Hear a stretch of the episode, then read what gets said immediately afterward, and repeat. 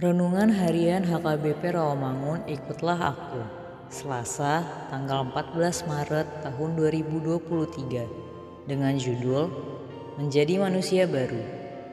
Bacaan kita pada pagi ini tertulis dalam Markus pasal 12 ayat 13 hingga 17 Bacaan kita pada malam ini tertulis dalam Titus pasal 2 ayat 11 hingga 14 dan kebenaran firman Tuhan yang menjadi ayat renungan kita hari ini tertulis dalam Kolose pasal 3 ayat 9 yang berbunyi Jangan lagi kamu saling mendustai karena kamu telah menanggalkan manusia lama serta kelakuannya. Demikian firman Tuhan.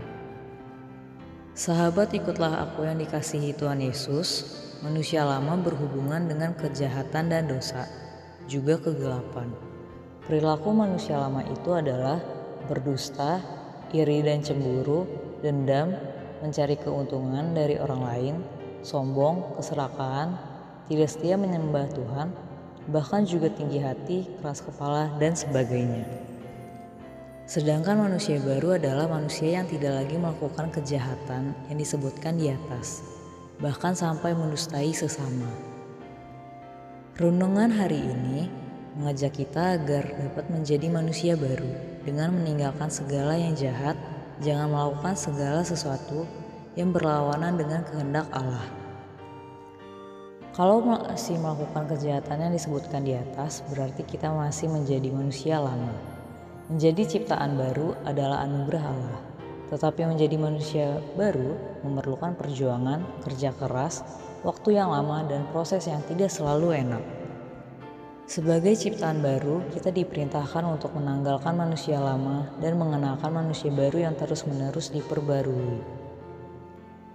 Menanggalkan manusia lama berarti mematikan segala sesuatu yang duniawi dalam diri kita, yaitu percabulan, kenajisan, hawa nafsu, nafsu jahat, dan keserkakan, serta membuang sikap pemarah, geram, dan kejahatan, fitnah, perkataan kotor, dan dusta.